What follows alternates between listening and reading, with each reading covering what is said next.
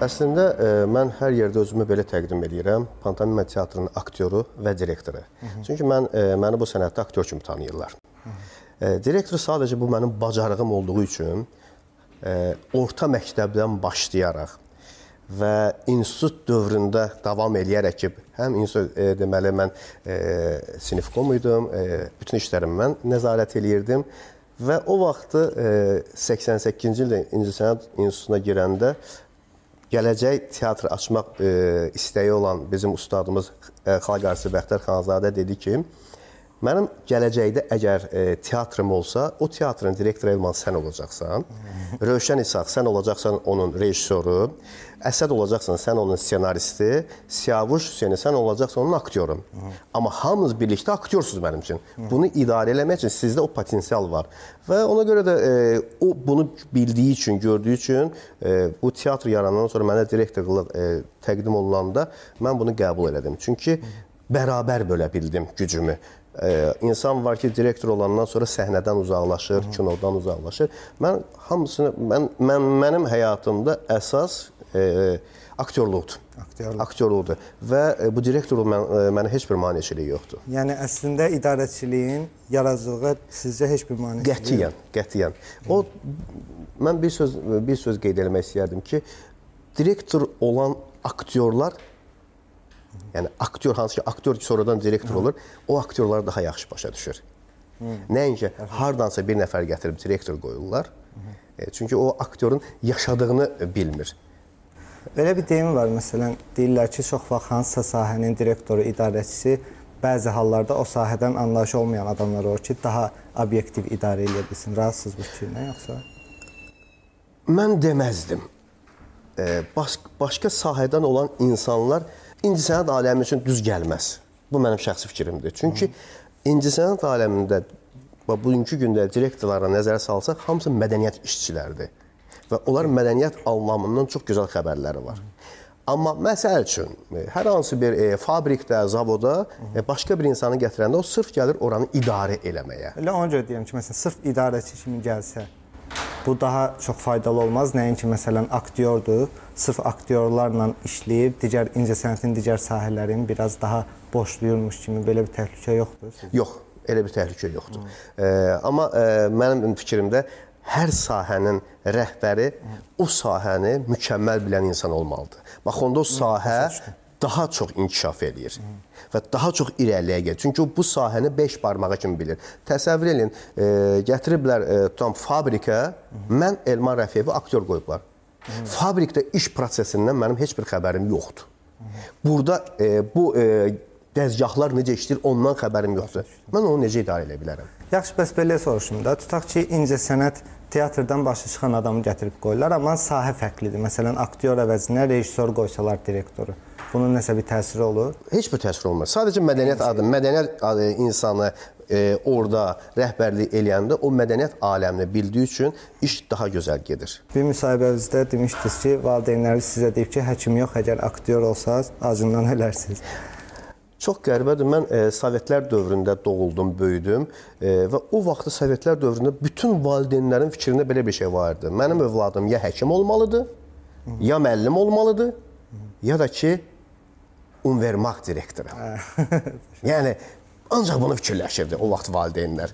Və e, mən də e, həmişə kütləyə əks qarşı gedənəm. Yəni ki, öz istəklərimi həyata keçirmək istəyirəm və mənim ə, içimdə olan aktyorluq istəyi ki, uşaq yaşından başladı. Nəyə görəsə atam, anam mənim qarşıma əvvəl qarşıma almadılar. Hı. E, onlar e, həqiqətən də xoşları gəlirdi. Mən e, deməli hər hansı bir kinolardan parodiya eləyirdim. Bunlar gülürdülər. Qonaqlar gələndə qonaqlar üçün nəsə göstərirdim və onlar əylənirdilər. Mən də diqqət mərkəzində olurdum. Çox xoşuma gəlirdi. Və məni alqışlayırdılar. Dedim, "Ha, nə gözəl sənətdir bu." Və qərar verəndə 10 yaşında e, artıq mən qərar verdim ki, mən e, aktyor olacağam. E, onlar dedilər yəqin Elman e, indi qərar verir, nə vaxtsa yadından çıxacaq. Gördü, yox, mən sər-asər bu işlə məşğulam. Əvvəl kukla teatrına getdim, sonra e, xalq teatrına getdim və belə-belə cəhd göstərdilər ki, mənim qarşıma alsınlar ki, mən həkim olum. Həkim olum. Hətta e, anama deyirəm ki, ay ana, məndən həkim olmaz. Vallah xəstələr əlimdə öləcək. Çünki mənim fikrimdə aktyorluqdur, incə sənətdir. Və çox sağ olsun ki, Azərbaycan Film Kino Akademiyası tibbi serial çəkdi və ata-anamın uzun illər olan arzusunu həyata keçirtdim. Məni bütün bu dəqiqə Azərbaycan həkim kimi görür. Olan arzusu həyata keçdi. Bəs yaxşı, indi məsələn e, idarəçilikdə məsələn dir direktor kimi fəaliyyət göstərirsiniz, tutaq ki, maddi vəziyyətə çox da təsir eləmir pis baxımdan da. Məsələn, sadəcə aktyor olsaydınız, e, valideynlərinizin dediyi söhbət düz olardı. Yəni Qətiyyən. acından ölərdiniz. Qətiyyən. Mən həmişə demişəm, bax, e, ata-anamın e, fikri, çünki atam da mənə o sözü dedi, anam dedi ki, sən aktyor olsan, sən acından öləcəksən. Yəni bunu nəyə əsaslanır? Nəyə əsasən? Çünki o vaxtı aktyorlara verilən məvacib çox az idi. İndi çoxdur. Fikrimi gətirim və e, o məvacib az idi və o aktyor ki öz üzərində işləyib mükəmməl aktyor olurdu, onların həyat tərzi çox gözəl idi. Kim ki ancaq teatrla kifayətlənib, teatr sənətində mən teatr sənətini heç nə dəyişmərəm deyibkən, e, nə kinoya çəkilirdi, nə nə bilim e, dublyajlara gedirdi, nə aparıcılıq eləyirdi. Yəni bunları eləmədikcə teatr maşın maaşına dolanmaq həm o vaxtı, həm indi çox çətin idi. Və mən e, qarşıma məqsəd qoydum ki, əgər mən bu sənətin sahibiyəmsə, bütün incəsənət e, aləmində baş verəcək bütün işlərdə mən özümü sınamalıyam. Yaxşı aktyorluğum olmalıdır. Yaxşı mənim e, nitq qabiliyyətim olmalıdır, aparıcılığım olmalıdır, dublyajla məşğul olmağı bacarmalıyam, kinoya çəkilməyə meylənməliyəm. Yəni bunu qarşıma şərt qoydum. O insan ki, o insan ki, həqiqətən öz sənəti ilə kamilcəsinə məşğul olursa, o heç vaxt acından ölməz. Yəni işdən işə bir, bir növdə siz özünüz qaçırsınız da. Yəni evdə oturub ha iş gəlmir, aktyorlar acından ölür demək biraz Yox, işdən işə qaçmıram. Mən artıq özümü bu e, sferada təqdim eləmişəm. Elman Rəfiyev əgər dublyaj istəyirsinizsə, Elman Rəfiyev var. Hə. Cizgi filmi dublyajı istəyirsinizsə, cizgi filmin dublyajı mən deyərdim ki, e, özüm özümü tərifləyim. Birinci dəfə özüm özümü tərifləyim. Azərbaycanın nömrə 1-əm. Cizgi filmi dublyajında. Həmin an məni axtarırlar. Aparıcılıq.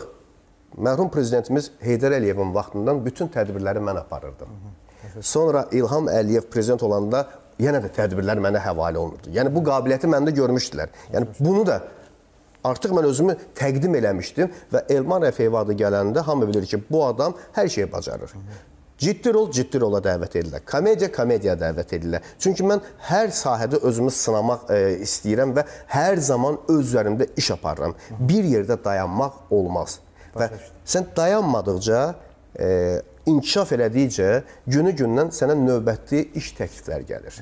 Və həmin o iş təklifləri hər təklifi də qəbul eləmək düzgün deyil mən deyərdim. Əgər çoxlu e, maddiyyat qazanmaq istəyirsənsə, hər təklifin dalınca qaçmaq da düzgün deyil. Çünki sən öz əqidəvin səsinə bir qulaq as. Gör sən onu eləməyə qadirsanmı, o elədiyin işdən həzz alacaqsanmı? Yox, həzz almayacaqsansa, onda e, mən o qazancı qazanc saymıram. Onda maddiyyata görə hər işi də qəbul eləyib, hər filmdə gəlib çəkilmək, hər tamaşada gəlib oynamaq düzgün deyil. Məncə. Çünki bu yaxınlarda mən e, Atacağı serialından sonra uzun müddət heç bir seriallara çəkilmədim. Filmə dəvət almadım, çəkilmədim. E, çünki mən həm öz sənətimə qiymət verirəm. Çünki mənim e, artıq e, 50 50 yaşı e, haqladım və 51-ci e, dönəmə keçdim. Yəni bu dönəmə kimi mən artıq e, öz e, ətrafımda Elman Rəfiyev adını qazandırdım. Və bugünkü gündə o tamaşaçıların məni görmək istəyir tamaşaçıların e, o istəyi var ki, ona əks etmək lazım deyil. Maddiyyat xatirinə ucuz, keyfiyyətsiz işlərin dalınca getməyi mən e, yaxşı saymıram. Tamam, indi məsələn siz bunu deyirsiniz, Elman Rəfiyev olaraq deyirsiniz. Amma soruşsaq Azərbaycandakı bir çox aktyordan, o hardasa sizin fikirlərinizlə razılaşmayacaq bir çoxu. Çünki bəziləri elə düşünür ki, pul olsun deyə bayaq dediyiniz maddiyyat sıxıntısına görə hər hər hansı bir ssenarioda hər hansı bir rolu qəbul eləmək olar və sanki elə düşünürlər ki, bunlar aktyorluqlarını inkişaf elətdirirlər filmin keyfiyyətinə asılı olaraq. məcburən görülən işdən həzz almaq olmur. Əgər e, mən məsəl üçün mən özümü e, məcbur edib o işi görə bilmərəm. Bu yaxınlarda e, mənə bir e, bir komediya filminə təklif gəldi. Mənim əgər e, indiki dövrdə istəyimin 2 qat artığını verirlərsə belə, mən o komediya qəbul- ssenarisindən mən, mən xəbərdar olandan sonra dedim üzrlü hesab eləmə, mən orada çəkilmə fikrində deyiləm. Başa düşdüm. Onda Azərbaycan seriallarının hansı ki siz çəkilmisiniz, keyfiyyətindən razısınız belə çıxır. ki. Məsəl üçün mənim e, Azərbaycan seriallarında çəkildiyim, e, yəni ilk serial kimi mən tə, e, birinci deyə bilərəm aramızda qalsın. Hı -hı. Yəni o vaxt aramızda qalsın. Azərbaycanda çəkilən ilk seriallardan biridir və insanlar çox gözəl baxırdı onu. Və növbəti serialım Ata Ocağıdır. Onun keyfiyyətindən razıyam və sonuncu e, çəkildiyim e, bu e, həkimlərlə bağlı Sayrışan. sayrışan işıqlardan tamam başqa bir abu-hava gördüm. Mən hətta belə şeylərdə ruhuma, istəyimə yaxın olan işlərdə vabank gedirəm. Mən orada maddiyyat fikirləşmirəm. Başa düşdüm ha. Mən maddiyyatın dalınca qaçmıram. Sizin ürəyinizə yatqın olursa, onda maddiyyat sizdən Maddiyyat fikirləşmirəm. Çünki doğrudan da mən görürəm ki, mən tamam başqa bir e, başqa bir e, rolda tamaşaçı qarşısına çıxacağam. Tamam başqa bir xarakter tamaşaçı qarşısına çıxacaq. Onda mənim üçün maraqlı gəldiyi üçün mənim üçün maddiyyat önəmli olmur. Mənim üçün əsas vacib oynayacağım oynayacağım rol və e, həqiqətən də o iş prosesində nə qədər ona nail olduqca indi tamaşaçılarımız o e, seriala baxdıqca öz fikirlərini bildirəcəklər.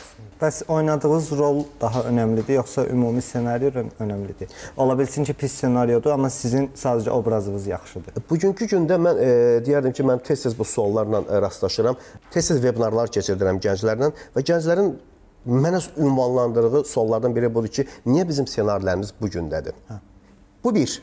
Niyə bizim aktyorlarımız e, normal insan danışığı ilə danışmırlar? Yəni nəyi nəzərdə tuturlar? kitab cümləsinə danışırlar. yəni hə, bildim. Real həyatda olmayan. Hə, real olmayan dildə danışırlar. Hı -hı. Yəni onlar ssenarini oxuyurlarsa, ssenarist e, ssenaridən çıxış edirlər, amma aktyorun öz yanaşması da olmalıdır. Və burada ssenari, aktyor, rejissor, kamera bunlar zəncirvari bağlıdır və bunun sonu bilirsiniz nə ilə bitir? Montaj. Montaj. Montajçı o bizim ideal oynadığımız serialım, ideal oynadığımız aktyor oyununu elə montaj eləyər ki, Yaxşı ssenari pis ola bilər. pis gündə ola bilər. Çünki e, kino aləmində montaj önəmli şərtlərdən biridir. Çünki biz oynayırıq 5 dubl, 10 dubl oynayırıq və montajçı özü də bir rejissordur. Çünki montaj edən insan o ssenaridən o qədər e, xəbərdar olmalıdır ki, o artıq görməlidir ki, bu obrazın hansı baxışını mən verim. Ona görə gəldim, kəsdim, doğradım, bunu buna caladım, o montaj deyil. Onu mən də evdə elə- eləyə bilirəm. Hə, yəni biraz başqa cür də yanaşmaq lazımdır. Biraz başqa cür baxış açısı olmalıdır. Əlbəttə. Yəni hətta rejissorun belə görmədiyini montajçı görür. Kadrlarda gətirib kadrları e, montajçıya təqdim edəndə o görür ki, bu kadrda e, Elmanın baxışı daha gözəldir, nəinki sol tərəfdən. Nə baxır o aşağıdan çəkilən. Yəni bu montajın işidir. Və fikir versən hamısı bir-birinə e, zəncirvari bağlıdır. Bəli, montajçımız güclü olsun, ssenari zəif olsun. olsun, Montajçı heç nəyə bilməz. Düzdür. Ona görə ssenari, birinci növbədə ssenari, ssenari güclü olmalıdır və e, əfsuslar olsun ki, hələ ki bizim e, kino məkanında ssenaridə bizim istədiyimiz e, o pilləyə gəlib çatmayıb. Amma inkişaf yolundadır. İnkişaf yolundadır. Bunu mən həmişə deyirəm və insanlara da mən bunu aşılamağa çalışıram ki, bugünkü gündə Azərbaycan seriallarımızı siz pisləməyin əzizlərim. Kimi dilləndirsən, mən Azərbaycan kanalına baxmıram. Güya buna Oskar verəcəklər. Baxmırsan. Niyə baxmırsan ki? Bax da harda yaşayırsan? Azərbaycanda yaşayırsan. Mən ancaq türk kanallarına baxıram. Mən ancaq e, nə, rus kanallarına baxıram. Bax. Bax. Amma Azərbaycana baxdaqsan bu, bu vətənin, bu torpağın insansan və Azərbaycan e, e, kino aləmində 10 ildir Azərbaycan serialı bu bu, bu bazara girib. 10 ildir. Və Hələ təzədir deyə təzədir. yavaş-yavaş inkişaf və mən hətta eləyəcək. e, bir bir çox insanların fikrini dəyişdirmişəm. Deyir ki, yox mən Azərbaycan filmlərinə baxmıram. Ay belədir, ay elədir. Dedim, gəlin belə danışaq da. Türk serial bazarı bugünkü gündə dünya bazarında mən deyərdim nömrə 1-dir. Məsələn biz İspan e, serialı tanımırdıq. Bir dənə o kağız ev Bumajlı dom. Bumajlı dom. Gəlməni biz İspan serialının nə olduğunu heç kim İspan serialına baxmırdı. Düzdürmü? Qabaqlar Braziliya serialına baxırdıq. Sonradan gəldi İspan serialı. Biz bilmirdik ki İspan serialında. Amma bizim e, cəmləndiyimiz türk serialı idi. Dilimizə yaxın olduğu üçün. Dilimizə yaxın. Hətta mən deyərdim ki, türk serialını, rus serialını yanaşı qoysan, türk serialı ondan bəlkə də üstündür. Bu mənim şəxsi fikrim. Rahatsız məsələn türk seriallarının hal-hazırki vəziyyəti. Mən izləyirəm və mən deyirəm türk serialı 30 ilə gəlib bu dönəmə çatıb. Sonra sual verirəm. Tam ki sual verən e, İlkindim. Ay İlkin, 10 yaşlı uşaqla 30 yaşlı uşaq eyni mi düşünür? Eyni mi qaçır? Eyni mi yemək yeyir? Deyirlər yox. Deyirəm, əgər evimizdə uşağımız doğulursa, uşaq doğulanda biz nə edirik? Uşaq yerə yıxılanda deyir ki, niyə yerə yıxıldın? Dur da, dur. Dur bax da, bax gör o e, dostu necə yeriyib demirik ki. Eyb yox, narahat olma. Bu dəqiqə qalırsan, yerəcəksən. Səndə alınacaq, əlindən tutub onu yeriməyi öyrədirik. Və bizim Azərbaycan kinomuz da həmin 10 yaşlı uşaqdır. da. Niyə biz onun əlindən tutmuruq, ancaq başından basırıq? Niyə biz onu 30 yaşlı uşaq kimi düşünməyə vadar eləyirik? Bax, budur fərqimiz. Bizdə belə bir düşüncə tərzi var ki, məsələn, başqalarının ən yaxşı işlərini nümunə götürür. Halbuki məsələn bayaq özünüz dediniz də İspan İspan serialları olsun. İspan serialları məsələn bundan 10 il qabaq nə tər idi? Heç kəs oturub baxmır. Heç kim baxmırdı. Hə, amma ən yaxşısı nümunə götürürlər ki, ha baxın, onlar bunu eləyib, biz bunu eləmirik. Nömrə 1 oldu İspan serialı. Yəni mən e, nəfəsimi dərmədən oturdum o seriala baxdım. Mən İspan serialını mən xəbərim olmayıb. Onda biz inkişaf eləməyə doğru gedirik yəni. Mən e, həmişə demişəm, Azərbaycan gəlin bir sual verin. Azərbaycan 10 il bundan qabaq çəkdiyi serialla indiki serialı yanaşı qoyaq. Nə qədər fərq var? Yerlə göyə qədər. O yazıq aktyorlar qınanılır ki, bu yazıq aktyorlar kamera qarşısına bu qədər çıxmırdılar. Hə, Ayda, ildə bir film çəkiləndə, bir filmdə balaca bir kadr oynayırlar. Axı bu sən gündəlik kamera qarşısındasan. Mən özümdən misal gətirə bilərəm ki, bəli, mən neçə ilin aktyoru ilk dəfə serialda kamera qarşısına keçəndə həyəcandan ürəyim bax burada dayanmışdı. Çünki mən hər gün kamera qarşısına çıxmırdım. Və bu günlər keçdi 2013-cü ildən 2020-ci nəzarət eləyəndə baxsan ki, Elman xeyli inkişaf elədi. Kamera qarşısında sərbəstdir. Və o sərbəstlik aktyorlar e, başa düşürəm tamaşaçı birdən-birə bizdən çox şey istəyir. Amma imkan verin. Axı biz yeni çıxmışıq bu kamera qarşısına. Bu serial bazarına yeni addım atmışıq. Bax bu dəqiqə Azərbaycan kino e, bazarına bax. Gözəl seriallarımız var. Hamısı mən demək istəmirəm.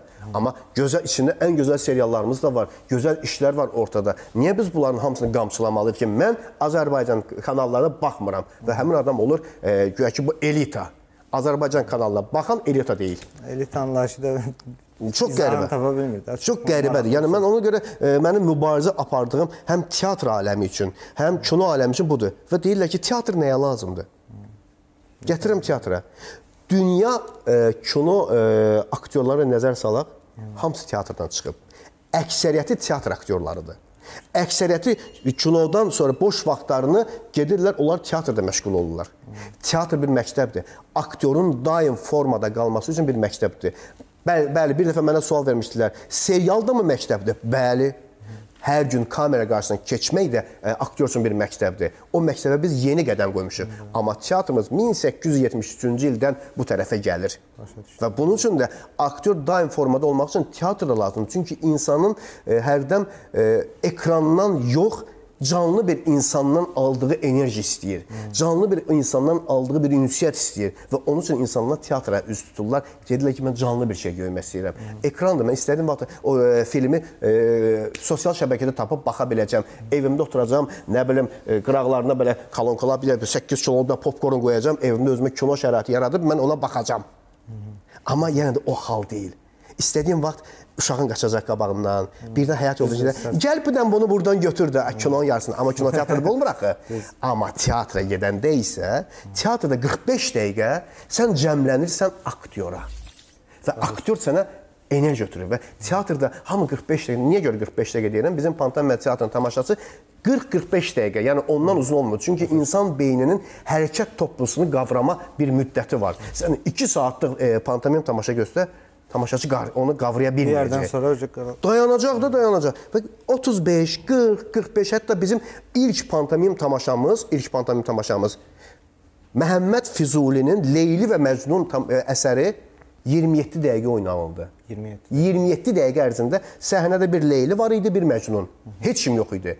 O Leyli və Məcnun iki aktyor bütün o aktyorların e, e, bütün obrazlarını hətta elə oynadılar. E, Hamı hiss edir ki, burada Leylinin atası var, Məcnunun atası var. Bunları evlənməyə qoymurlar və bütün bunları 27 dəqiqə ərzində göstərdik. Bax budur. Nə qədər qısa formada izah eləyə bilirsiniz, onda o qədər yaxşıdır. Əlbəttə. Bəs türk serialları məsələn indi seriallar da aiddir bu arada, yoxsa sadəcə teatr tamaşası? Yox, e, hətta seriallara aiddir. Bax, məsəl üçün mən e, çox arzulayıram ki, Azərbaycan seriallarında e, hələ ki e, hələ ki biz gəlib ona yavaş-yavaş çatırıq. Mən türk serialında mən mən nə özünə cəlb eləyir? Detallarla operatorun işi. detalları elə qurur ki, adi o pauzalar mənə nə isə deyir. Bəs onun 2 saat üzü üstüm, 2 saat olmağı sizi narahat eləmir. Qətiyyən. Mən o hətta o boşluqlarda Uzun axı. qoy uzun olsun. Mən məsəl üçün bugünkü gündə türk seriallarını izləyirəm, boynuma alıram. İzləyirəm və oradakı o hərdən bəri elə məqam olur ki, e, insanın o hissiyatı var da, o, o hissiyatdan biraz kənara e, e, adlayanda biraz çox oldu burada bu səhnə. Bu məsəl üçün bu stakanı çox göstərdiniz bizə. Uzatmaq üçün bəzən bas, basırlar slow motion kadrları, yavaş-yavaş buradan o tərəfə gedir də. Yəni buradan o tərəfə getmək 2 Əslində dəqiqədən yox. əslində slow motionun e, nə olduğunu mən e, deyim. Slow motionun e, olması e, aktyorun e, və yaxud da ssenaristin və yaxud da rejissorun həmin anda onun fikrinin daha dolğun çatdırılmasına qulluq edən bir amildir. Biz də teatr Əslində olan. əslində olub. Onu niyə slow motion edirlər? Yox, tez-tez slow motion oldu. Mən onu hiss edirəm. Bunun slow motion heç yeri yox idi. Yəni bu o yavaş, yavaş bunun getməyinin nə nə dəxli var idi? Yəni mən baxıram ki, bu artıqdır. Amma əslində elə məqamlar var ki, deyirsən ki, bunun bu cür yavaş getməsi tamaşaçının içində ya bunu tez tezləşdirin görüm nə olacaq. Hmm. Həmin o insanın içindəki o həyəcan hissini artırır. Necə ki biz də teatrda həmin ilk, yəni Bəxtər Xanzadə teatr yarananda tamaşa vaxtı ilk bu slow motiondan canlı istifadə edən aktyorlar Canlı. olmuşdu. Canlı surətdə slow motion edirdi. Məsələn ki, tutalım ki, orada bir səhnə var ki, bu bunu vurur və orada birdən belə-belə vurur və birdən başlayır Yavaş-yavaş. yavaş-yavaş göstərir, nə göstərir? Qılınc onun saçının ucundan necə yavaş-yavaş keçəcək. Yəni biz onu tamaşa şəklində e, tamaşaçılara çatdırırdıq. Detal olsun deyə. Detal kimi çatdırırdıq, inansan. Zal alqışlayırdı da. Yəni həmin o e, slow motion səhnələri alqışlayır. Çünki tamaşaçı onu daha tez, daha yaxşı həzm elirdi. Bir var ki, sürətlə sənin beyninə informasiya gəlsin. Bir var ki, yavaş-yavaş sənin beyninə informasiya gələndə sən onu daha gözəl qavrayırsan. Və tamaşaçı demişkən, gənc tamaşaçıların indiki vəziyyəti ilə 20-30 il əvvəlki vəziyyətinin arasında nəsə fərq var? Gənc e, tamaşaçıların e, belə deyərdim.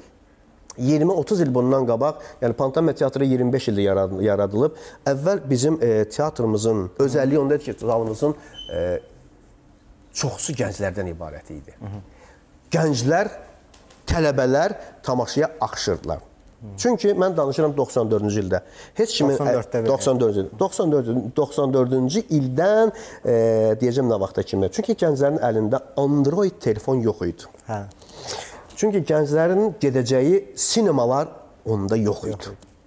Çünki gənclərin gedəcəkləri əyləncə mərkəzləri, mə- e, bu mərkəzləri çox az idi və gənclər üst tuturdular teatra. İndi isə gənclər teatra gəlirlər ki, yəni mən də sosial şəbəkədə gö şəbəkədə göstərim ki, mən pantomim teatrım. Bir dənə eləyim. self eləyim. Dadank.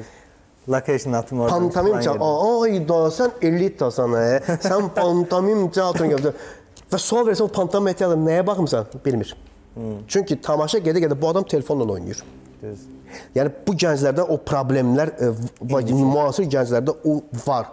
Amma o gənclər də e, bir dönəm gələcək, ondan bezəcəklər. Hansı ki elə gənclərlə mən rastlaşmışam, deyiblər ki, biz artıq canlı nəsə görmək istəyirik. Deyirəm 20-25 yaşım var. Deyir biz canlı tamaşalara baxmaq istəyirik. şey Çünki bezdilər. robotlaşıb da biraz. Hər şey o balaca ekranın içinə sığışıb deyə biraz sosiallıqda. Əslində sosiallaşma məqsədinə olan bir şeyə görə sosiallıqdan uzaq qalıblar da prinsipdə. Hə, o, mən onu elə qəbul edirdim. Ona görə bugünkü gənclərdə e, mən e, vebinarlarımda keçirdiyim e, bu vebinarlarda demək olar ki 100 gəncdən 50-sini özümə tərəf çəkirəm. Komandamı böyüdürəm. İnci sənətə, kinoya, teatra, bugünkü Azərbaycan inci sənətinə, mədəniyyətinə qiymət verməyə çağırıram onları. Həyəcan təbələ çalıram ki, siz Azərbaycanın gələcək ziyalılarısınız. Əgər siz sabah xarici ölkədə bir Azərbaycan serialı, bir Azərbaycan aktyoru, bir Azərbaycan rejissoru tanımırsınızsa, siz bizi gedib necə təmsil edəcəksiniz? Bir Azərbaycan heykəltaraşı, bir Azərbaycan rəssamı tanımırsa, bizi necə təmsil edəcəksiniz? Axı bunları bilmək bilavasitə sizin borcunuzdur. Çünki axı siz bu torpağın övladısınız axı. Bu Azərbaycan torpağında böyümüsünüz axı. Bu bayraq altında böyümüsünüz axı. Bunları tanımaq sizin borcunuzdur. Çünki bizim ziyalılarımız siz olacaqsınız. Biz o dönəmi e, adladıq, keçdik. İndi biz 21-ci əsrdəyik. Cəmaət Marsda e, artıq bilet alıb Marsa gedirik gəzməyə. Gözləyir ki, pandemiya bitsin, mən Marsa gedəcəm gəzməyə. Və bu dövrdə e, bizim bugünkü inkişafımız üçün bu bu ziyalı gənclərə ehtiyacımız var.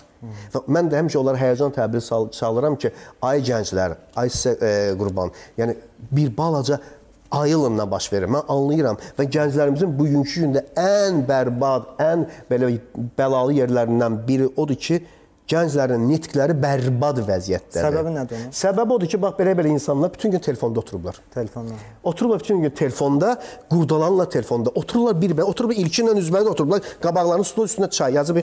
"Ey ki, necəsən?" O deyir, "Yaxşıyam." nə var, nə yox? Bir dənə buna baxla, baxla. O da mən smailik yolladı. Üzünə belə baxmır. O yazılan yazı bizim nitqimizin bərbadlığına gətirib çıxarır. Çünki insan nə qədər danışdıqca onun nitqi inkişaf edir. Və bugünkü gündə evdə hətta yeni doğulmuş uşaq sakit olsun deyə onun qabağına mobil telefonu tullayırıq. Niyə? Sən uşağından danış, ünsiyyət qur və uşaq eşitsin ki, ana danışır. Baxın ki, ana, ana ata oturub hamısı evdə telefonda e, oyun oynayırlar. Amma o çox böyük bir faciə deyil. Əlbəttə fa faciədir. E, bugünkü gündə mən deyərdim ki, uşağın düzgün tərbiyə olması ana bətnindən başlayır. Əgər ana bətnində uşaq formalaşmağa başlayanda, ana nə bilim qeyri belə peşəkar musiqilərə qulaq asır və onun aldığı informasiya mobil telefona hərisliyi burdan onun e, biotokları vasitəsilə ötürülür həmin uşağa. Və uşaq da dünyaya gələndə artıq informasiya var onun. E, çünki ana bətnində böyüyür də bu. Ananın, yəni e, keçirdiyi həyat tərzindən ata və ananın olan bir-birinə münasibəti belə yeni doğulacaq uşağa təsir eləyir. Və biz düşünürük ki, uşağımız doğulandan sonra ona tərbiyə verəcəyik. Xeyr, artıq yubanmısınız. Uşaq uşağın olacağı dəqiqəni hiss etsiniz, siz 9 aydan sonra ata və ya ana olacaqsınız. Tərbiyəni həmin gündən başlamaq lazımdır. Həmin gündən düzgün tərbiyə sənin gələcəkdə savadlı, kamallı, dünyanı dərk edən bir övladın böyüməsini gətirib çıxardacaq. Və biz düşünürük ki, yox, qoy uşaq hələ təzə doğulubdur, bu heç nə bilmir ki. Qoy bir 40 gün keçsin, yox, qoy 2 ay keçsin, qoy biraz danışmağa başlasın, biz ondan sonra tərbiyə verəcəyik. Artıq yubandınız siz. Çünki uşaq ağ vərəqdir və bir-bir yazır. Biz bugünkü gündə balaca uşaqların nə düşündüyünü heç kim deyə bilməz. Hətta filmlər çəkildi. Uşaqlar bir-birlərinin dili ilə danışırlar, görə bir-birlərini başa düşürlər və alimlər bunu araşdırırlar ki, uşaqlar nə düşünürlər, heç kim deyə bilməz. Uşaq niyə yuxuda olan vaxtı gülür, niyə ağlayır? Hələ onu araşdırıb tapa bilməyiblər. Onun öz dünyası var və buna görə kənardan e, təsir olan ata və ananın evdəki münasibəti, cəmiyyətdə olan o bütün hadisələr ana tərəfindən, ata tərəfindən həmin yeni doğmuş övlada ötürülür özümüzün də xəbərimiz olmadan. Ona görə sən uşağa düzgün tərbiyəni hələ artıq hiss edəcəksən ki, sən atasan, anasan orada vermək lazımdır. Və bugünkü gündə düzgün danışmamağımızın da səbəbi anadan irəli gəlir. Niyə dilimizə ana dili deyirlər, ata dili demirlər? Niyə demirlər? Niyə? Niyə? Çünki ən çox anamız danışır. ya da uşaq ancaq anasına vaxt keçirir. Çünki evdə ən çox danışan kimdir? Qadınlar. Məsələn, qabaq e, o telefonlar var idi, o belə yığılırlar ha. Həmin o telefonları telefonlarla saatlarla asılırdı qadınlar, saatlarla. İndi o telefonlar artıq biz evimizdə əşyaya çevrilib. Biz ona fikir vermirik. Çünki hamının əlində telefon, WhatsApp, Telegram, nə bilim nə, Skype, nə bilim o bu və yaddan çıxıb hər şey. Mən deyərdim ki, övladın düzgün və savadlı tərbiyəsinin əsas qəhrəmanı, rolu anadır. Ata döşünə döyməsin. Ata səhər tezdən çıxır evdən gedir işinin dalınca və axşam gəlir. Ay balam necəsən? Nə etmisən? Mamanı incitməmisən ki? Ay sənə qurban olan dedi, bitdi, qutardı getdi. Atanın uşağına ünsiyyəti bu olur. Yazıq kişilər.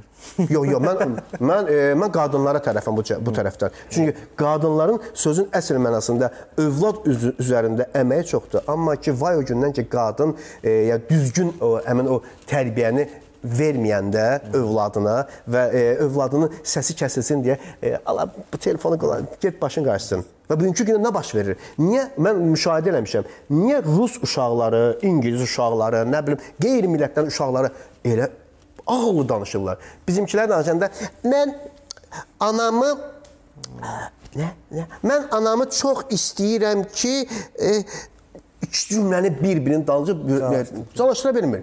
Çünki evdə o danışığı eşitmir. Niyə?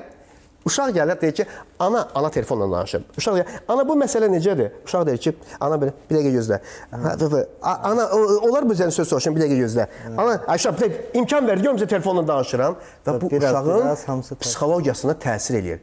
Uşağın uşaq vaxtında hamınızın evində uşaq olub sənə ünvanlandığı sualların hamısını bir-bir cavablandırmaq valideyn kimi gələcək övladının gözəl bir ziyalı insan böyüməsi üçün sənin bilavasitə borcundur. Sən o övladın hər sualını cavablandırmalısan. 5 dəfə də cavablandırmalısan, 10 dəfə də cavablandırmalısan. Çünki uşaq öyrənmək istəyir. İnsanlara e, yanaşmaq istəyirsənsə, insanların düzgün tərbiyə almasını istəyirsənsə və onların düzgün cəmiyyətdə böyüməsini istəyirsənsə, onlara insan kimi yaxınlaşın. İnsanlığına hörmət eləyin. Evində doğulan uşaq şəxsiyyətdir. Uşaq deyil. Və uşaq sənin qulun deyil.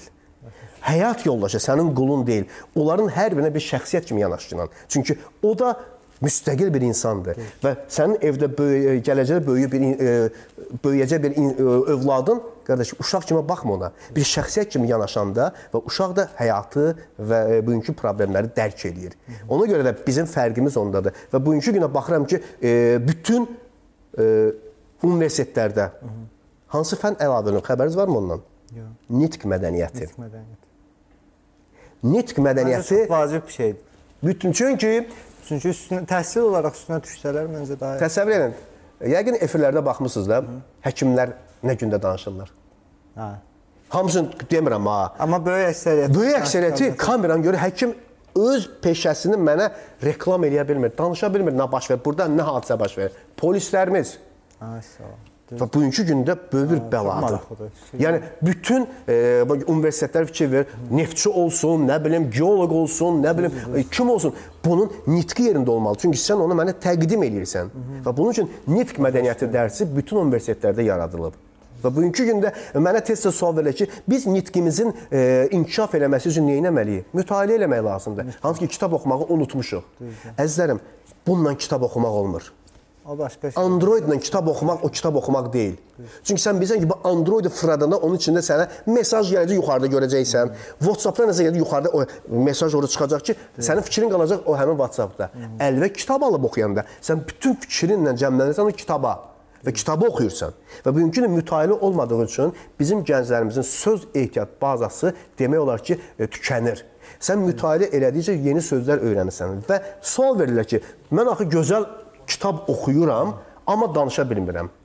Onun da bir səbəbini araşdırıb tapmışam. Niyə danışa bilmirsən? Çünki sən kitabı ürəyində oxuyursan. Bəlkə sən ürəyində Hə, şəkil sən ürəyində bəlkə şəkil ləhcəsini oxuyursan. Bəlkə talış ləhcəsini oxuyursan. Bəlkə ləzgi ləhcəsini ox- oxuyursan. Yəni bütün ləhcələrini oxuyursan da, sən bütün bunlar üçün ona görə kitabı səsli formada heç olmasa gündə 15 dəqiqə oxumaq lazımdır ki, sənin nitqin düzəlsin. Öz dediyi öz qulağını eşitsin. Məsəl üçün mən özümdə belə bir şey e, kəşf etmişəm. Mən nəsə bir səhv eləyəndə özüm özümü danlayıram səsli surətdə.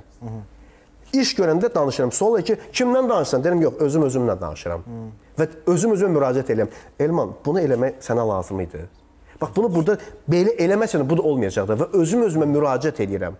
Bəli, bəli, kənardan biraz mənə başqa cür baxa bilərlər ki, bunda e, Amma yox, mən özümə özümə müraciət edirəm və özüm öz səhvimi həmin tez anlayıram ki, bəli, mən nəyə görə səhv eləmişəm. Yoxsa ürəyimdə fikirləşsə, hamı oturub gör ki, fikirli oturub, heç problemim var, onu həll eləməyə çalışıram. Ürəkdə nə qədər problem həll edəcəksən. Və bugünkü gündə e, qayıdıram teatr və kinoya. Teatr və kinoya, kinoya gələn peşəkarları gətirin, əziz rejissorlar.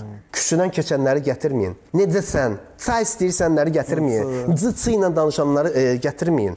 Və o cıçı danışanları bizdə irad tuturlar ki, "A, bu sizin aktyorlarınız, onlar mən deyirəm, onlar aktyor deyillər. Onlar sadəcə kənardan e, elə belə gələn insanlardır.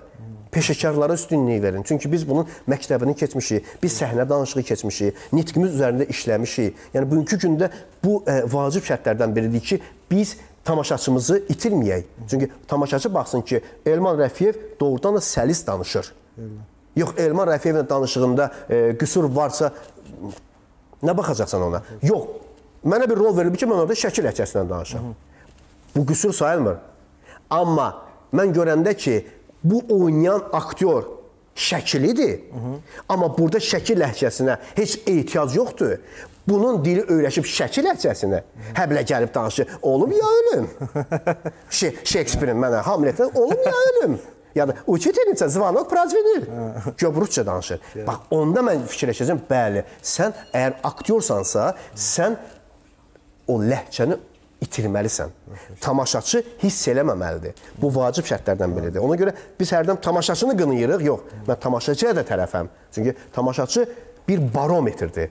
Sən materialı ona verirsən, o sənə baxır və qiymət verir. Sən məni allada bildin ya yox. Biz nə edirik? Güya mən orada ölürəm, ya güya mən orada kimisə öldürürəm, və ya güya kimsə sağaldıram. Kinodur. Axı bu kinodur. Əmma bəs məsələn uşaqların tərbiyəsindən danışdıqda, Azərbaycan yaradıcılığında, incə sənətində bu yolda nəsə bir şeylər var. Məsələn, uşaq filmləri çəkilir bizdə. Mən çünki fikir vermişəm ki, uşaqlar tutaq cəbində telefon var, amma baxmağa bir şeyləri yoxdur. Aa, YouTuberlərə baxırlar. İlkin çox yaralı bir yerə toxundun. Mən e, bu həyəcan təbilini hər yerdə çalıram. Bugünkü günü biz uşaqlarımızı qınayırıq nahaq yerə. Hanı uşaq filmlərimiz? Hə də, yəni nəyə Hanı uşaq seriallarımız?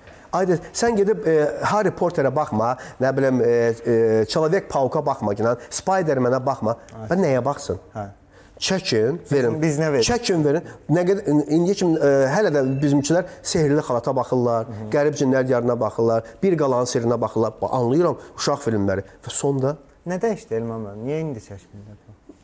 Bilirsiniz, ə, e, mən belə düşünürəm ki, rejissorlar özlərini incitmək istəmədilər. Çünki uşaqla iş çox çətindir. Və uşaqları sənətə hazırlayan müəllimlər özlərini incitmək istəmədilər. Çünki uşaqla iş səbir tələb eləyir, zəhmət tələb eləyir. Çünki uşaq yoruldu, çəkilmirəm. Bitdi.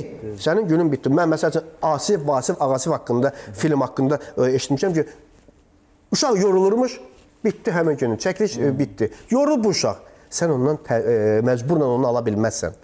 Onun üçün onun üçün də bugünkü gün mən həyəcan təbilini bütün rejissorlara, ssenaristlərə mən e, o həyəcan təbilini çalıram ki, əzizlərim, uşaqları düşünün. Uşaq filmi çəkin.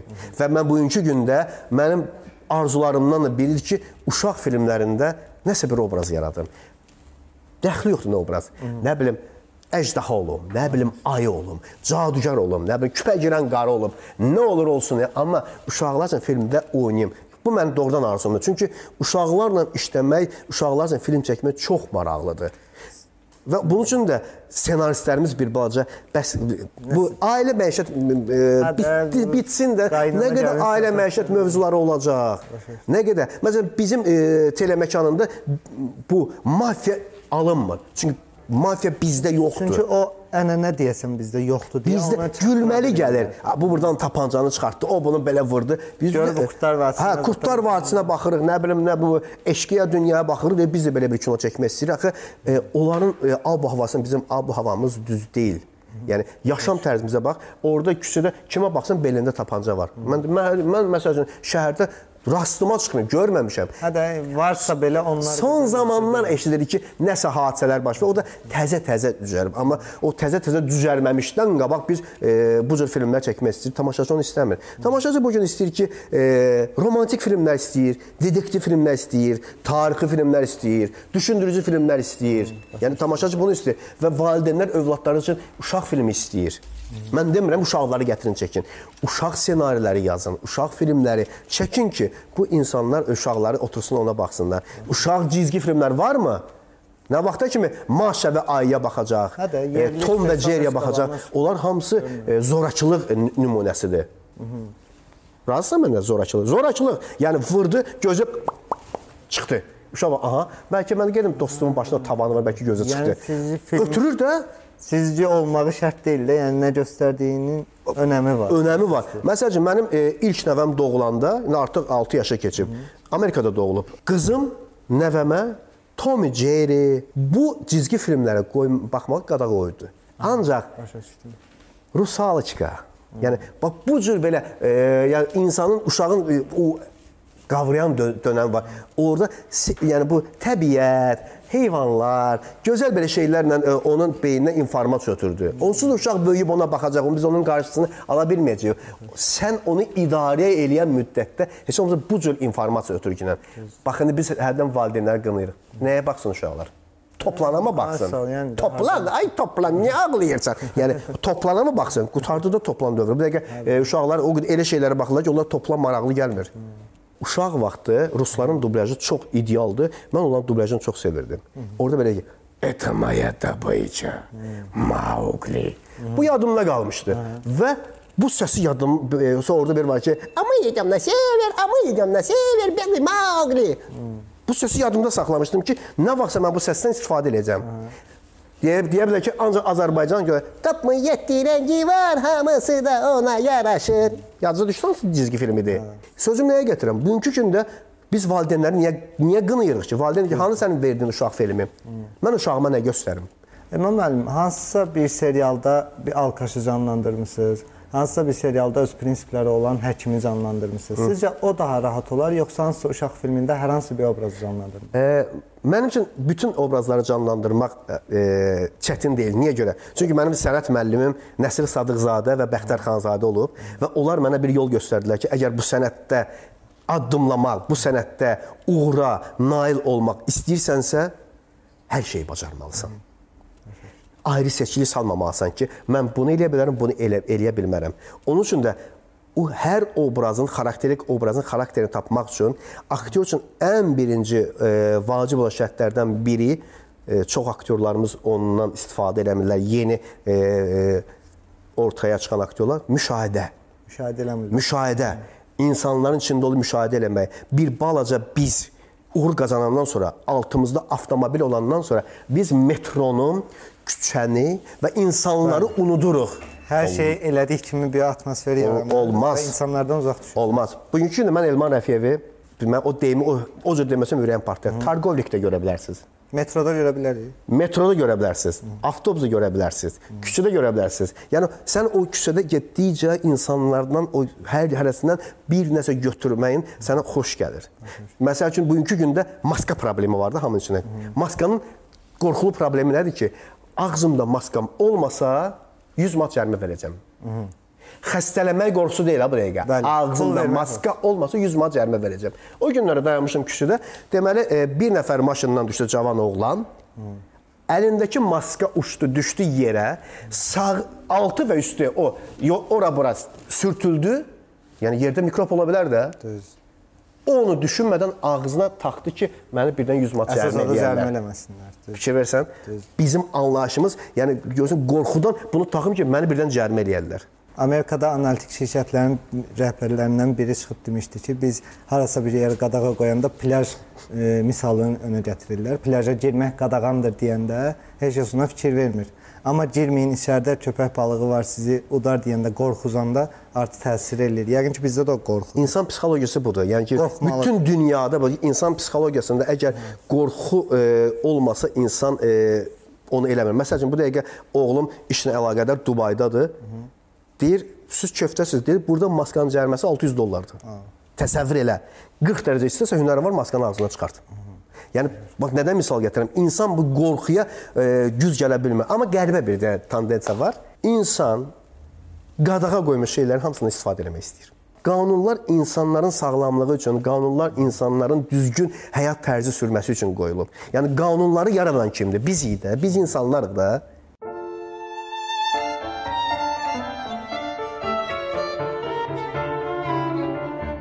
İstərdim ki, sən olsun. Bu, bu, bu indi ağlıma gəldi.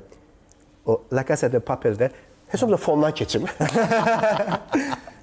ya da maşınla gəldi düşdü, əl-ələ getdi. Çünki bu tarixdir. Yəni bugünkü gündə e, bir bir çox insanlar özünə sığışdırır ki, ay axı mən bugünkü gündə sanki bəzi aktyorlarımızda falan var ki, yəni getmərəm, çəkilmərəm. Niyə çəkilmərəm ki? Mənim sənətim Yəni aktyor. obrazın, rolun nə olduğundan asılı olmayaraq gəlib çəkilə bilərsən. Ya hərdən aktyorlar arasında bir sənə baş verir ilkin. Aktyorlar arasında bu baş verir ki, onlar rolun böyük kiçiyi haqqında qaçırlar. Bəs onu soruşuram. Odur.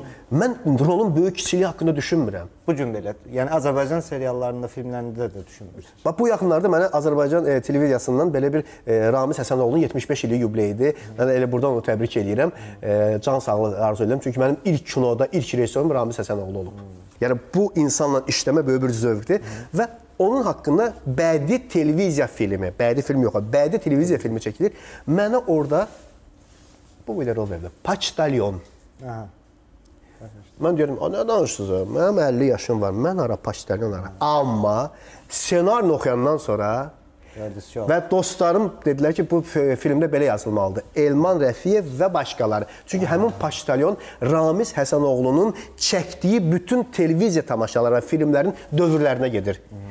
Əmir Teymurun dövrünə gedir. Gəlir buradan, oradan buradanın dövrünə gedir. Nə bilim 20-ci əsrə gedir. 1937-ci ilə gedib çıxır. Hüseyn Cavid dövrünə gedir. Bu paştelyon bütün dövrlərə gedir. Maraqlı obrazdır. Mən deyə bilərəm ki, balaca obrazdır. Rolum azdır orada. Və bugünkü gündə mən mən çox şanslıyam ki, bəli, onların tamaşalarını izlədiyim insanlar mən çiyin-çiyinə çalışıram. Afaq Bəşir qızı ilə, İlham Nami Kamal'la, yəni Rasim Balayevlə, yəni Bunlar bu insana Məmməd Səfa ilə mən bunlarla mən filmdə e, bir e, televiziya filmdə çalışacağamsa mən şanslı deyiləm. E, televiziya tamaşalarında Yaşar Nuri, Siyavuş Aslan, yəni biz bunları görmüşük. Ramiz Əzizbəyli, yəni Telman Adgözəlov, biz bunları görmüşük. Onların işə yanaşmasını görmüşük. E, Cahangir Novruzov, Afaq Bəşir qızı, yəni bunları görmüşük biz.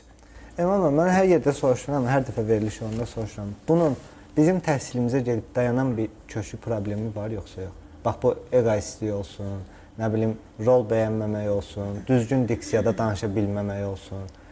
Bütün bu kinoya aid eləyə biləcəyimiz hər problemin də deyək ki, gedib təhsildə dayanan bir kökü var yoxsa? Var. E, çünki təhsil e, mən deyərdim ki, e, hərdən mənə sual verir ki, mən aktyoram, mən istəyir, fitri istedadam, mənim təhsil nəyimə lazımdır? Bu sözü çox yerdə eşitmişəm. Fitri istedadam, təhsil mənim nəyimə lazımdır? Əzizlərim. Əzizlərim, təhsil mütləq surətdə lazımdır. Çünki aktyor olan insan əgər dünya ədəbiyyatından xəbəri yoxdursa, Şekspiri necə oynayacaqsan? Çingiz Aytmatovu necə oynayacaqsan? Fitri istedadın var da. Sən onları oxuduqca sənin dünyaya baxışın dəyişəcək. Sənin nitqin dəyişəcək. Sənin yanaşman dəyişəcək. Və sən onları oxuduqca sən orada özünü tapacaqsan. Oxuca- oxuyacaqsan, Homer oxuyacaqsan, e, Mapassanı oxuyacaqsan və bunları oxuduqca e, Məmmədcəli Məmmədquluzadəni oxuyacaqsan. Hüseyn Cavidi oxuyacaqsan. Bunları oxuduqca sənin formalaşacaqsan. Və onda eqoizm qaçacaq. Amma indiki gənclərimizdə sənin dediyin problem ondadır ki, indiki gənclər birdən-birə məşhur olmaq istəyirlər. Hə, istəyirlər bir dənə Birdən-birə bir bir işlə məşhur olub e, bütün şəkilləri hər yerdə posterlərdə olsun, e, Populyar. və televiziya kanalı belə bunun serialının e, şəkli getsin, bu da orada belə dayanıb. Hə, bu oldu populyar. O populyar olandan sonra o özünün inkişaf barəsində düşünmür. Mən Elman Rəfiyev kimi bu gün yenə də öyrənirəm. Ətrafımda yaşından asılı olmayaraq Yəni 20 yaşı da ola bilər. 20 yaşlı uşağın 20 yaşlı tutalım ki, ilkinin düşüncəsi Elmanın 20 yaşındakı düşüncəsinə bir deyil axı. Elman 20 yaşında tamam başqa şey düşünürdü. Bugünkü gündə ilkinin 20 yaşlı düşüncəsi mənə o qədər xeyirlidir ki, mən ondan öyrənirəm. Və bu öyrənmələrim mənim inkişafıma gətirir və ona görə bugünkü gündə daim aktyor öz üzərində işləyib, oxumalı və öyrənməlidir və dünya görüşünü artır artırmalıdır və müşahidələrini artırmalıdır ki, sən gündə e, eyni tipli bir obrazdan çıxmayasan. Hə, Elman çıxdı, yenə də eyni tipli çıxdı, belə dayandı, e, sözünü dedi, getdi. Hə, Eyni tip yox. Bu ona görə təhsil ən vacib şərtdir bizim sənətdə. Ümumiyyətlə bütün sənətdə. Bütün sənətdə təhsil. Çünki bu məktəb gəlin belə danışaq. Biz əlifbanı öyrənməsəydik necə danışa biləcəkdik? Hərf oxuya biləcəkdik? Xeyr, əlbəttə. A, N, A. Ana deyə biləcəkdik? Yox. Bizə öyrətdilər hərfləri. Niyə öyrətdilər? Qoy öyrətməyədilər də. Evdə anam danışacaq, mən anamın anamın danışığını öyrənəcəm, atamın danışığını öyrənir. Elə bu təhsili niyə yaratdılar? Çünki təhsil bilavasitə insanın zehninə təsir edən bir qüvvədir. Bugünkü gündə biz e, təhsildən uşaqlarını çəkməyə e, o, o bəzi bölgələrdə tə, mənim qızıma təhsil nəyə lazımdır? Düzgün deyil. Təhsil hətta sənin qızın sabah ərə gedəcək. O evdə ona təhsil lazım olmasa belə, amma bunun dünya Yenə görüşü var lazım, axı. Yenə lazım. Bunun dünya görüşü var. Çünki ailəyə yanaşma var axı, ailəyə münasibət var axı. Həm də o özü də bir uşaq böyüdəcək, uşaq. Əlbəttə.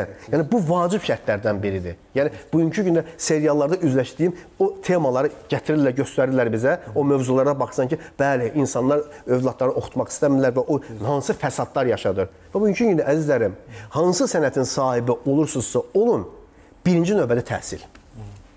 Mənim yadımdadır ki, o vaxt musiqi məktəblərində e, alətin özünü öyrətməkdən qırağa məcburi olaraq nəzəriyyə dərslərini aparırdılar. Heç kim onu oxumaq istəmirdi. Hə, bu solfejo mənim nəyimə lazımdır? Solfejo yadıma gəl. Bu bu notlar mənim nəyimə lazımdır? Axı sən bəlkə sabah sən bəstəkar olacaqsan. Bəlkə burada dıngıldadı bir dənə nəsə bir əsər yazacaqsan. Onu necə köçürəcəksən? Gəldin ilkin mən dınqa da dınqa bir də onu yazdı ora. İlkin mənim siz not yazandı. Öyrəndim bunun hamısını. Amma musiqidən söz düşmüşkən, musiqi ilə aranız yaxşıdır, xüsusən də cazla. Mən ə, yüngül cazı çox sevirəm. Ə, indiki dövrümdə niyə görəsə köhnə ə, musiqilər üstünlük verirəm. Yeni yaranan musiqi 1 il, 2 il, 3 il sonra yaddan çıxır. Niyə? Səbəb odur ki, bugünkü dövrün dönəmini tutmaq üçün tez bir zamanda içdən gəlməyən bir musiqi Trendə düşmək. trendə düşmək üçün eləyirlər və yazırlar, bəli, 3 il trenddə partlayış olur. Sonra yaddan çıxdı getdi. Mambo number 5. Ya kiminsə yadında var, gəl çıxar küçəyə gənclərdə. Deyir, Mambo number 5. Kimin yadındadır? Heç kimin. O düşdü trendə, oldu Mambo number. Hanı? Yoxdur. Amma gəl qayıdaq ABBA, Modern Talking, Beatles. Bunlara qayıdaq. Bu gün hamı qulaq asır, hamı klassika. Öz klassikamıza qayıdaq. Rəşidə, Bülbülə, Şövkət Ələkbərovaya, Anatolu Qəniyevə e, qulaq, as qulaq asırıq. Nəzakətə qulaq asırıq. Çünki bu klassikadır. Niyə bugünkü gündə bəli gözəl, savadlı, nə bilim istedadlı müğənnilərimiz var. Amma biz oradan köklənmişik. Trendə düşmək üçün eləmək lazımdır Biz əzizlərim. oradan köçlənmişik, üzr istəyirəm. Siz məsələn qulaq asırsınız köhnə musiqilərə. Ha? Ə, amma müasir gəncliyin tələbi odur axı. Onda nə olacaq? Yox, müasir gəncin tələbi mən mən danmıram, qınamıram. Müasir gənclər üçün yazılan musiqi içdən gəlmə, trend üçün yazmayın. Hə, hə. Onsuz müasir Onun gənc özü onu tapacaq. Həmin bax bugünkü gündə Mambo Number 5 dövründə olan uşaqlar neçə illə keçsin o onun yadında qalacaq. Amma indiki bu- amma bizi kimi soruşsun, hamı bir dəqiqə Abba desə hamı tanıyacaq. Bonoyim deyə hamı tanıyacaq. Modern Talking deyin hamı tanıyacaq. Həm də hamısı bir-birinin kopyası kimi görünür. Kimsə eləyir, partladır, ha bu elədi, partlatdı. Biz Və e, əsasən mən trendə düşən musiqilər bir fikir verir plagiatdır. plagiatdır. ha. Hamısı plagiatdır.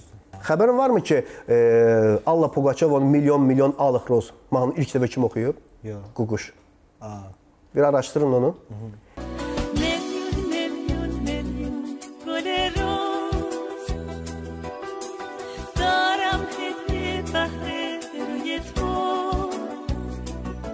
İlk dəfə onu Ququş oxuyub, ondan sonra onu götürüb, e, onu bəstəkar, rus bəstəkarı bəstəlib, milyon milyon alıq roz eləyib.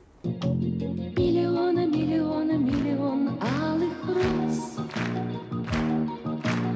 Из окна, из окна, из окна видишь ты Mən plagiatlarla bağlı bir dənə podkastım var idi, orada biraz araşdırmışdım. Baxmışam. Orada e, Sami Yusufun Allah Allah mahnısını Hara? Niyamətli Musa Niyə? Çox maraqlı. Mən onu hətta montaj eləmişdim. Doğrudan. Sami Yusuf oxuyur və Azərbaycan var idi.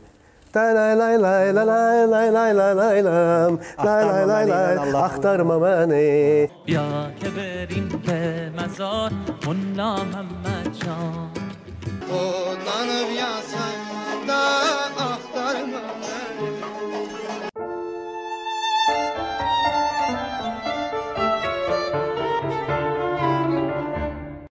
Arzu edirəm ki, e, söz yox, bugünkü gündə biz e, sosial dönəmdə yaşayırıq. Siz ancaq e, YouTube səhifəsində say izləyəcəksiniz. Mənim e, bu e, verilişim neçə insanın baxışına səbəb oldu. Hamımız birinci onu izləyirik. E, əlimizi açıq görə mənim pa paylaşdığım video neçə dənə lik gəlib. Mən ona lik, like demirəm, lik gəlib. neçə dənə lik gəlib ora. Biz onu izləyirik. Həyatımızı onunla biz uzlaşdırırıq. Amma mən insanlara e, belə bir e, mesaj yollamaq istərdim ki, çalışın e, həyatdan zövq alın. Yəni bu sosial şəbəkə bu gün var, sabah yoxdur. İnsanlıq həmişə var və insanlığın da insanlığa qiymət vermək üçün birinci növbədə özünüzü sevin ki, qarşınızdakı insanı sevə bilərsiniz. Və həyatda hər şey sevgidən doğur. İşə sevgidən, ailəyə sevgidən, vətənə sevgidən, torpağa sevgidən, bayrağa sevgidən doğur. Birinci növbədə həyatda sevgi və özünə inam. Bax bu ən vacib şərtdir.